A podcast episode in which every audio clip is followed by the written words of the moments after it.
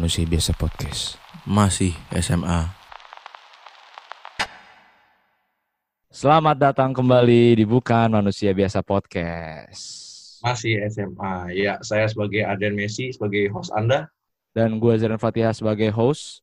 Balik lagi bersama kami di sini di episode 5. Yoi. Kali ini kita bersama seorang anak SMA. Selalu Anak SMA. anak SMA. Dan Hmm. dia ini menurut gue nggak ada yang nggak kenal dia. Apalagi Buset, khususnya enak. Emang iya perempuan-perempuan, cewek-cewek.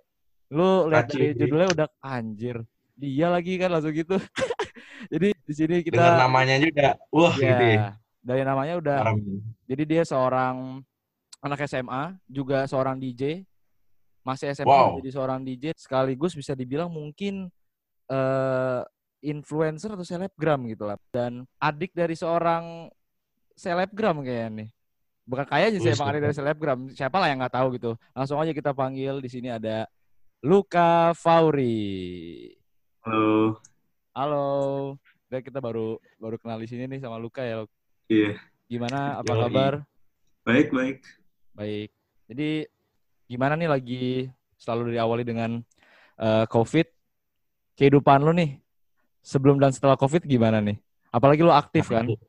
Ya sebelum sih, kalau sebelum sih gue ya keluar-keluar mulu, Iya. bikin acara Oh iya. sini.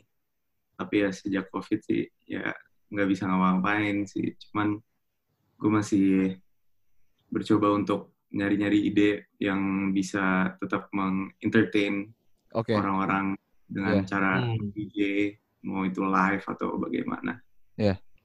Emang agak susah sih, cuman Tapi eh, rencana lo nih karena kan lu pengen eh, mencoba untuk tetap berkarya gitu kan di masa COVID ini yang yang terbatas gitu kan gara-gara COVID. Rencana lo apa? Em, paling enggak sih ya house party aja sih, cuman ya sama orang-orang yang deket-deket atau ya Heeh. paling paling bi- paling bener sih live aja live. Iya Hmm. benar benar benar. Kalau house party itu biasanya ini ya eh, terbatas gitu ya paling ya. Soalnya pernah ada tuh Iya. ada event house party lagi, cuman kayaknya lebih terbatas. Iya, lebih ke friends only kan ya kalau gitu. Iya, kayaknya lebih kayak gitu deh. Di COVID ini lo masih keluar-keluar nggak? Atau benar-benar stay at home? masih masih. Oh iya, lo masih stay at home? Iya. Oh enggak, em, sejak selesai PSBB sih gue udah mulai keluar-keluar dikit. Oh, karena sekarang udah agak udah new normal ya? Iya, cuman ya gue keluarnya ya ke rumah teman, Iya, iya, iya. iya. sekali ya di kafe yang terbuka, cuman ya nggak nggak sering-sering banget. Jadi bukan di tempat Oh. keramaian ya? Iya. Yoi. Tapi sejak PSBB udah selesai, lu udah produktivitas lu meningkat apa kayak sama aja lu? meningkat sih gue udah mulai keluar-keluar mulai eh, olahraga gue udah mulai lari lagi setiap weekend pagi gue Hmm. bangun sekolah gue lari itu dulu terus basket gue udah mulai lagi Hmm. Lu bakal ini banget kali ya, maksudnya karena sebelumnya lu, eh, kita bakal ngobrolin ini, eh, lu seorang DJ, lu aktif di klub gitu kan. Tiba-tiba karena COVID ini, semua kan tutup tuh tempat-tempat umum, kafe, klub apalagi. Berarti lu adaptasinya lumayan berat dong ya? berat banget berat nggak sih adaptasinya? gue sih em, sebelum corona gini sih gue udah mulai planning buat bikin acara cuman Oh. gara-gara corona jadi di cancel nggak bisa jadinya Oh, jadi sebelumnya udah ada Hmm. omongan acara ya? iya Gue pengen ngomongin tentang kehidupan sekolah. Lo ini kan bersekolah di, eh gue nggak usah sebut eh, nama, di daerah Cinere. Hmm. Dengan jiwa lo nih, ya kan, yang yang eh, DJ, gimana sih maksudnya bersekolah di Cinere? Anak-anaknya seperti apa sih kalau di sekolah lo ini? jujur em, lumayan asik sih mereka lumayan outgoing mereka Oke. sangat Hmm. sangat impulsif jadi kalau gue ajak ke sini tiba-tiba mereka oke-oke aja dan mereka lumayan sportif juga dengan karir DJ gue mereka waktu itu datang ke acara gue main seneng Hmm. juga gue jadi gue bisa membedakan gitu orang-orang sini mainnya gimana orang-orang sini mainnya Iya. gimana gue juga beradaptasi dengan bagaimana cara mereka keluar-keluar dan bergaul jadinya gue tahu Oke. Jadi berbicara udah berbicara tentang sekolah, mungkin lo gak jadi ini banget lah ya, maksudnya dengan lo karir seperti ini bukan yang berbeda banget sama anak-anak di sekolah lo ya. Maksudnya masih bisa ber- masih bisa nyambung ya. Iya, lumayan nyambung sih. Soalnya mereka juga pergi-pergi ke tempat yang klub malam gitu. Oh, sama. Iya, iya, iya. Lumayan nyambung berarti ada sisanya nih lo kayaknya lo. Gak nyambung banget. Ya, nggak nyambungnya sih gue kurang kurang main motor gitu-gitu. Cuman mereka kan anak motor Oh. banget nih. Oh, kalau di sekolah lo anak motor banget. Iya, Ada Iya, skut-skutnya ya? iya. Iya, iya, Skut, iya, iya. gitu. Anak, anak Vespa, anak Vespa. Iya, iya, bener, bener, Iya. bener, bener. Tapi gara-gara mereka juga gue jadi lumayan ngerti, lumayan suka. Jadi malah makin tertarik ya ke Iya, permotoran gitu ya. Tarik jadinya. Gue pengen jadi pengen beli Vespa gitu. Oh, Asik. iya, iya. Emang Vespa Matic anak SMA banget ya. Iya. Seorang Luka Fauri nih, ya kan? Orang Hits banget. Eh, sebenarnya kalau dengan lo hits kayak gini, teman-teman lo tuh gimana tuh? Responnya, tanggapannya? Apa mungkin mereka Apa biasa aja? cukup- Hmm, apa Biasa mereka kayak aja ya udah nih teman gua biasa aja. Iya, biasa aja sih. Kan kadang-kadang ada beberapa orang namanya panjat panjat gitu. Iya. Parah panjatnya Ini kenceng kayak nih. ini kayak bahaya deh ngomongin ini. Ada orang kayak gitu banyak sih. Cuman ya gue udah ngerti cara handle-nya gimana. Hmm, Iya, iya. cara misahin yang beneran pengen jadi temen lu sama yang jatuhnya apa ya bahasa kasar manfaatin ya. Kalau dari lo nih, dengan lo seorang DJ dan eh, hits gitu kan, maksudnya di sosial media, itu berat nggak sih ngejalanin masa SMA? Pressure nggak sih? Lumayan, karena Mm-mm. em, sekolah dan nge-DJ itu kan hal yang sangat berbeda. Oh iya benar. Dan gue juga waktu itu kakak kelas gue pernah ada masalah gitu karena terlalu keluar-keluar dan ketahuan. Tapi jadi gue harus lumayan agak menutup-nutupi Oh. apa yang hobi gue dan passion gue apa kalau ke guru-guru. Iya, iya, Hmm. itu yang itu yang sulit kali ya. Iya, lumayan. Kalau kadang jatuhnya gak ada kedukungan emang agak susah sih sih kalau gak ada kedukungan full ya. Iya. harus adjustnya emang lumayan tuh. Kalau di Oh, saat Oke. ini eh, lo kan seorang DJ. Awal mulanya eh, gimana sih lo eh, masih SMA nih? Udah menjadi seorang DJ, ceritain dong awalnya kayak gimana? Awalnya itu gue dan temen gue, sahabat gue ini satu eh, namanya Abraham. Oke. Gue Hmm. sama dia itu tertarik banget sama DJ. Jadi waktu itu em, sebelum gue ketemu dia, gue udah mulai sekolah DJ di Kemang Oh. Hmm. dan di situ gue mulai belajar basic-basicnya. Heeh. Dan Hmm. akhirnya temen gue Abraham ini dia nemu studio, studio DJ. Dan Oke. akhirnya kayak setiap minggu, setiap hari Jumat, gue sama dia selalu selalu ke situ latihan terus, latihan terus, latihan terus, sampai akhirnya kita buat kolektif bareng dan akhirnya bikin acara. Kita Hmm. emang goal kita Chicos ya? Iya. Itu lu umur berapa tuh? Mulai akhirnya gua eh, belajar DJ nih. Gue sih emang udah dari kecil banget. Gue dari Oh. umur umur 14 13-an gue udah pengen bener-bener kayak gue pengen jadi DJ, gue pengen belajar, gue pengen bikin acara, gue pengen main di sini, gue pengen main di situ Iya, iya, iya. Hmm. dan akhirnya kesampaian. Lo tertarik dari umur 13-14 tuh.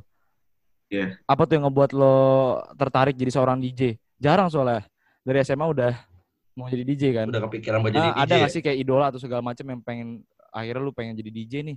Pengen belajar DJ?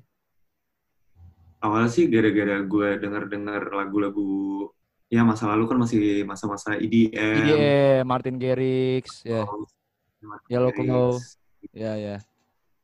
Dan gue pengen gue ngeliat mereka gitu gue mereka bisa membuat orang-orang bawa suasana su, eh, apa sorry suasana Iya. dan Hmm. ya seru aja gitu jadinya kayak di di depan orang-orang pada nari-nari lompat-lompat nyanyi-nyanyi gue jadi Hmm. tertarik banget dan akhirnya gue eh, maju aja gue belajar jadi DJ Terus abis lu belajar-belajar jadi DJ, lu udah sekolah DJ. Kalau boleh tahu first first gig lu tuh kapan tuh? Oh iya. yang bener. first Februari Februari tanggal 15 tahun ini Oh tahun ini. Oh, jadi kali. yang yang di Haji itu first gig lu ya? Itu pertama kali banget gue main di depan orang serame itu. Oh. Wah, itu oke. jadinya first gig tapi udah itu big banget Langsung loh. Itu gila. sampai gua sama teman gua mau datang tapi pas sampai depan pas ditanyain FDC itu udah rame banget tuh parah. Itu gua datang jam berapa ya? Oh datang mes. Gua mau datang waktu itu sama bocah-bocahan gua tapi udah keramaian. Oh. Terus itu eh gue mau tahu dong lu itu proses pas awal lu ngolah mau pembuatan acara lu yang di bulan Februari ini jadi acara pertama lu tuh gimana tuh? Iya Los Chicos. Awalnya em, merekrut atau merekrut ya katanya Hmm. orang-orang teman-teman gue yang koneksinya lumayan banyak dan bisa ngomong. Jadi gue dari situ bikin manggil-manggil artis supaya supaya em, menarik apa marketingnya lumayan banyak Iya. dan jujur gue gue sendiri gue nggak nyangka bisa serame itu Iya rame banget. Gue liat sih di eh, Instagram Bener. accountnya itu gila sih pecah sih. Event pertama lagi yang lu buat sama temen lu ya?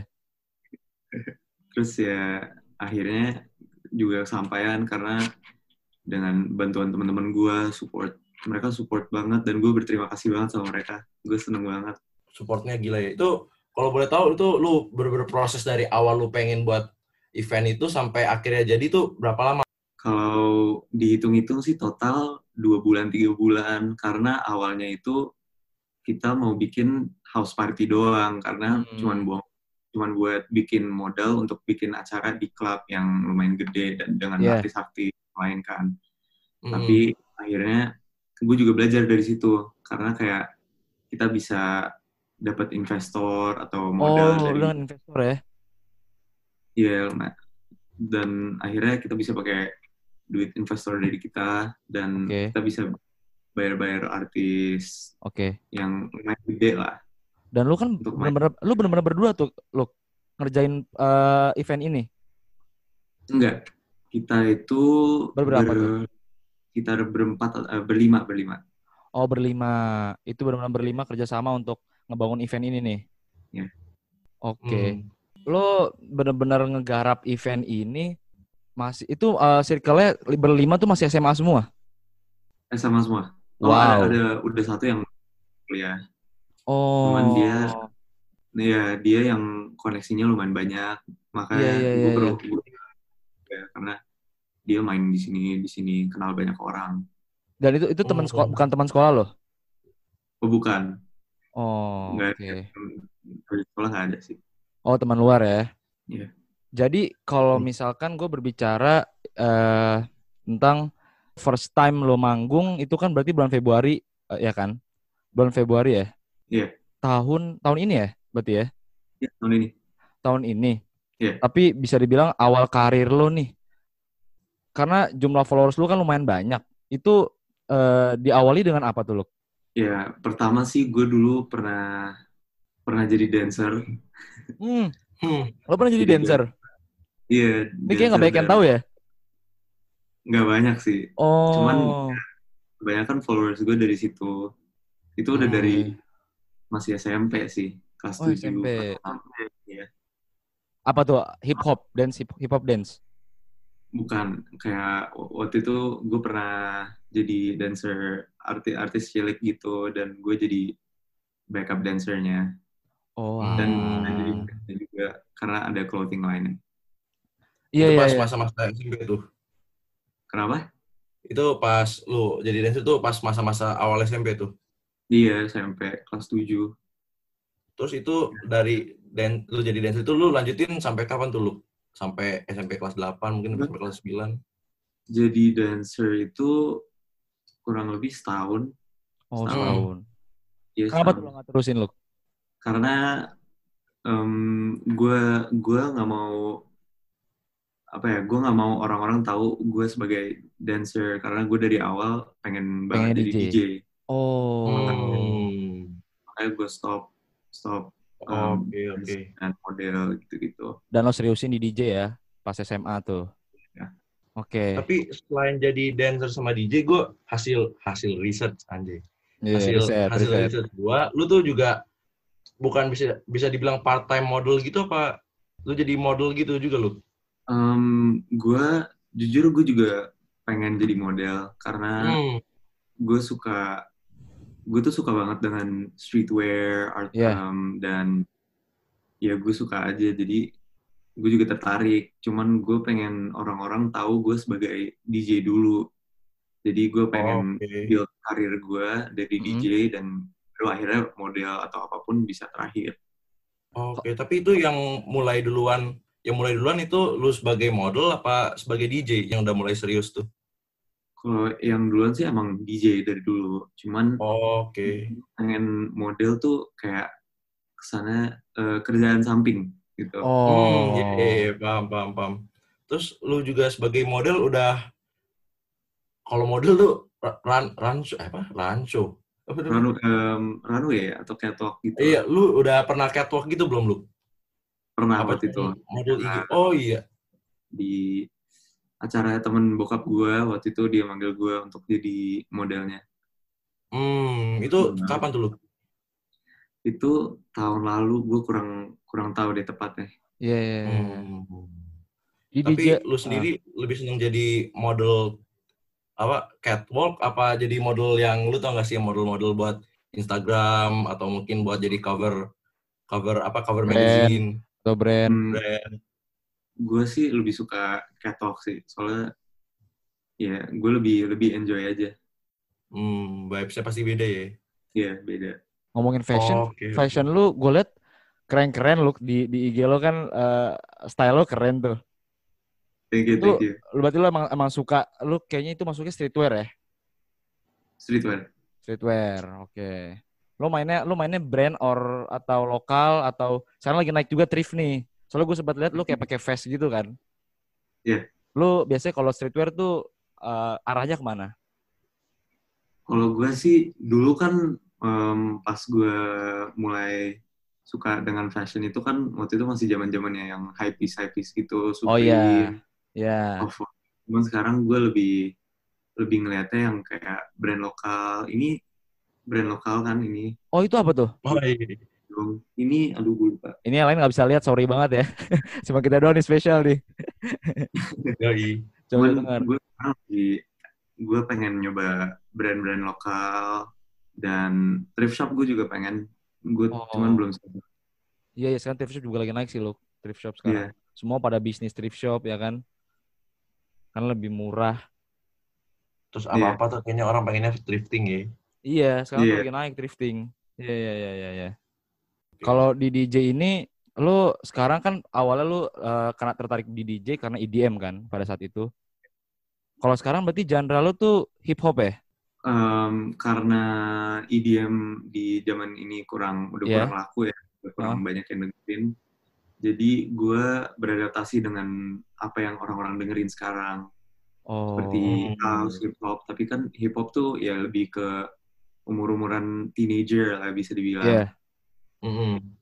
Gue di di kolektif gue ini gue pengen em, menarik sebanyak orang mungkin dengan wide age of range.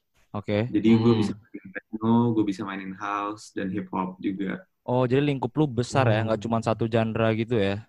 Iya. Oke. Iya. Tapi tanggapan, sorry ya, maksudnya eh, DJ atau pekerjaan yang di eh, klub itu kan, mungkin untuk orang tua kan masih tabu nih ya. Kayak Hmm. gimana tuh? Lo tanggapan orang tua lu pertama kali lu mau jadi DJ nih?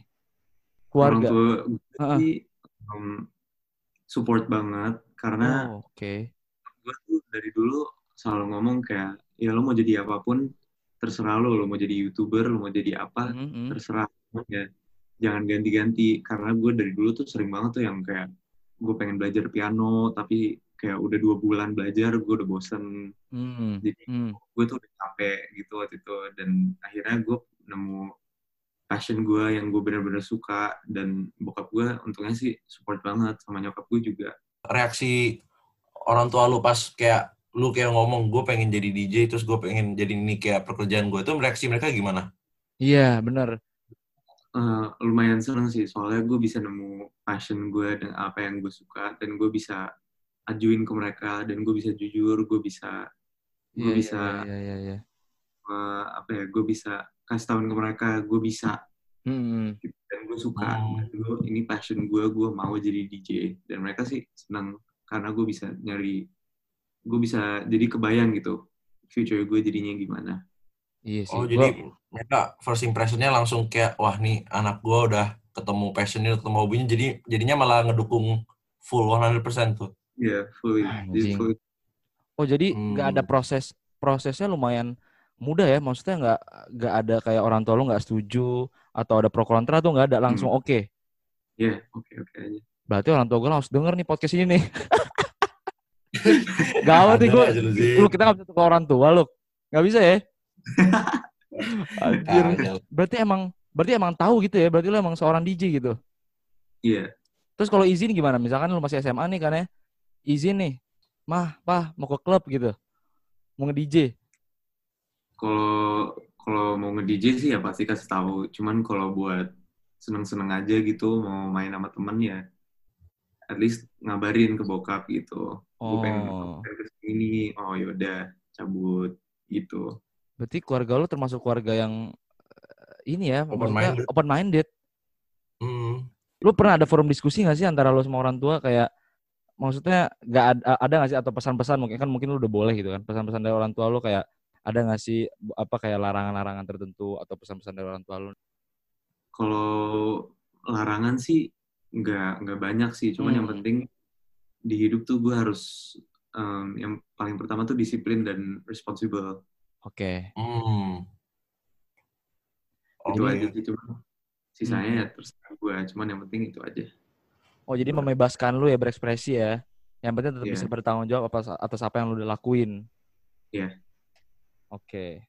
Lu pertama kali Bisa nih lu pertama kali lu pertama kali lu ngeklub. Berapa? Umur berapa? Kelas berapa? Gue kelas em, kapan ya?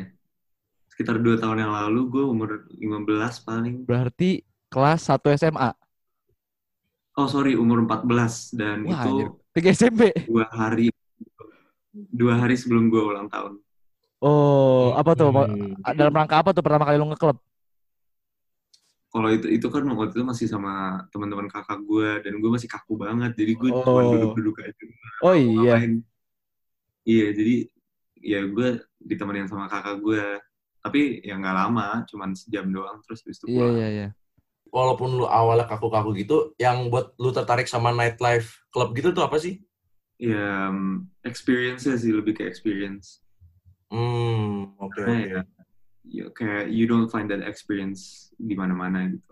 pertama kali dia uh, first experience masuk klub lu langsung anjir ini gua banget nih langsung lu akhirnya ketagihan Ya awalnya sih gara-gara gue mulai-mulai keluar dengan teman-teman gue dan di situ gue baru nyadar kayak oh seru juga nih ya kayak gini. Terus akhirnya ya ke kelanjut terus keluar-keluar terus jadinya.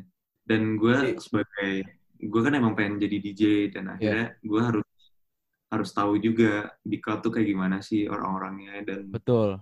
um, gue harus jadi penonton dulu sebelum gue jadi DJ karena gue supaya bisa tahu rasanya penonton kalau misalnya ke DJ-nya tuh gimana lagu-lagunya. Dan gimana cara gue act gitu kalau ada yang lagu nggak gue suka atau lagu yang gue suka jadi gue tahu pas gue DJ gue pantau-pantauin orang-orang yang suka Hmm. lagunya yang suka lagunya jadi gue bisa membawakan lagu yang semuanya suka gitu berarti lu ke klub Hmm. jadi referensi ya sebenarnya ya jadi referensi Referen- pembelajaran lu ya Iya. kan Berarti bener-bener uh, pelajar dari pengalaman ya? Iya dia benar-benar ngelihat Hmm. dari pengalaman ngelihat emang karena lu mau jadi seorang DJ jadi lu masuk ke klub emang buat referensi sekalian belajar ya Iya, buat senang-senang juga sih dan buat belajar sekalian. itu proses pembelajaran jadi DJ itu berapa lama menurut apa lu sekarang masih lanjut uh, les DJ Sekarang gue udah enggak. Oh, gue oke. tuh bisa dibilang fast learner kalau wow oke um, towards something yang gue suka. Heeh. Mm-mm. Yang gue uh, kalau something yang gue enjoy gitu, gue belajarnya lumayan cepat. Jadi kurang lebih sebulan dua bulan kira-kira. oh 92 itu udah selesai tuh Iya udah udah belajar basicnya dan sisanya gue main-main aja ngasal-ngasal jadi gue tahu oh kayak gini kayak em, transisinya gini lagu kayak gini transisinya gini gitu Hmm. Oke, oke. Tapi proses belajar jadi DJ itu tuh susah nggak? Walaupun yang namanya passion kan pasti semua orang pasti akan berniat sepenuh hati kan. Iya, Tapi benar. kalau menurut diri lu sendiri susah nggak sih eh, pas pembelajaran lu jadi DJ? kalau buat gue nggak nggak susah sih cuman nggak gampang juga Oke. karena tapi kalau DJ itu salah satu hal yang gue sangat semangat gitu jadi gue kayak kalau les DJ hari Rabu gue bener-bener dari pagi itu gue udah mikirin terus les DJ les DJ les DJ Oh, emang lu Terus berarti senang di situ ya? walaupun Hmm. gue udah gue pernah kayak early satu jam gitu ya gue main-main aja Kasih kan ya, too excited gitu ya. saking sukanya gue saking ya excited Oke, oke. Itu first first lu show tuh rasanya gimana tuh? Apa Iya, belum- Iya nggak sih? Belum nanya ya, Iya, gimana pertama ya? kali lo bermimpi-mimpi jadi seorang DJ, akhirnya anjing nih waktunya gue show. Itu gimana? Apa kalau panik atau lo malah on fire? jujur gue agak gugup banget sih awalnya Oh, iya. karena gue em, gue nggak pernah main depan orang lebih dari 10 atau 5 gitu gue nggak pernah ini ramenya gila. Ini berapa orang tuh lo waktu itu? gila banget dan itu kan di klub kan yang Iya, iya. orang-orang semua tahu yang Hmm. lu bisa masuk kapan aja lu bisa gak ada table juga lu diri-diri juga bisa. Dan itu gue mikirnya kayak em, mindset gue tuh cuman kayak oke gue harus main kayak gue latihan gitu. Dan Oke. gue harus latihan kayak gue main depan orang-orang. Cara mindset gue sih harusnya gitu. Jadi pas gue main gue agak calm dikit. Dan di situ show pertama lo lo langsung undang Boy Buji ya, Boy Buji, King Cult, terus ada juga Imam ya waktu itu ya. Iya. Itu temen lo atau uh, sebagai guest star? itu temen gue emang teman-teman gue Oh, mereka temen lo. iya Itu ini gak sih? Kayak sekarang tuh di hip hop tuh kan ada circle sendiri ya. Eh mereka tuh masuk Preachja gak sih? Preachja tuh ini kan? Iya, iya. Oh, Preachja. Lo masuk juga? Enggak, kalau gue enggak. Oh, itu mungkin lebih ke rapper ya? Eh, lebih ke rapper sih. Iya. Ta- oh, Hmm. nah culture hi- eh, kalau di eh, DJ lu sendiri DJ itu termasuk culture hip hop gak sih? Gue gue pengen nanya nih, gue soalnya nggak tahu kan. Hmm, Masuknya hip hop gak sih itu? ya tergantung sama apa lagu apa yang lo mainin sih. Oh, jadi nggak eh, maksudnya DJ bukan bukan culture dari hip hop. Menurut gue sih enggak. Oh. Ya ya ya ya ya ya. Tapi lo gak tertarik jadi rapper? Enggak. Gue belum sempat ngomong, gue mau bilang congrats aja on your first event. Iya, Itu benar. bukan bukan pertanyaan gue cuma kayak congrats banget on your first event kan gue bisa bilang nggak semua orang bisa punya first event segede lu terus sesukses lu kan terus nih ber, ber first event langsung wow gitu langsung di mana mana udah terkenal jadi gue mau bilang congrats aja sebelumnya Gitu, gitu banget. Dompet langsung tebel Terus- kali lu kayak. Iya gak sih? Iya gak sih? Event duitnya gede gak sih lu? Em, kita acara pertama emang em, us personally kita nggak dapat profit Oke. karena kita mau buat acara berikutnya yang nggak pernah jadi. Oh. hmm. Cuman ya dapetnya sih juga itu tergantung dari klubnya karena kadang-kadang Oke. ada yang ngasih lu 12% dari misalnya kayak per 50 juta tuh dapat 15%. Oh, karena naikin nama klubnya ya? Iya, naikin nama klubnya juga. Oh, dari situ. Dan pada saat itu lu juga free entry ya? Free iya free entry. Untuk Tadinya yang- kita mau Heeh. tapi gara-gara temen gue nih yang Abraham dia Ah. lupa ngomong jadi nggak jadi tapi kita juga mikir juga kayak kita siapa gitu acara pertama langsung FDC gitu ya udahlah biarin aja free entry Oke. Tapi kalau untuk yang table tetap table ada kan pada saat itu? ada Oh, oke. dan untuk atas bawah tuh full bener-bener full Itu itu berarti memang marketingnya kencang banget ya? Maksudnya first event langsung gede. iya makanya Lu lu ini enggak Gue- gimana gimana? gue nggak gue nggak nyangka banget gue Iya kan? kaget banget iya Tapi Sampai- ada ini enggak? Sampai apa? gue denger ada temen gue berantem gara-gara nggak dapat meja Oh iya, sampai kayak gitu.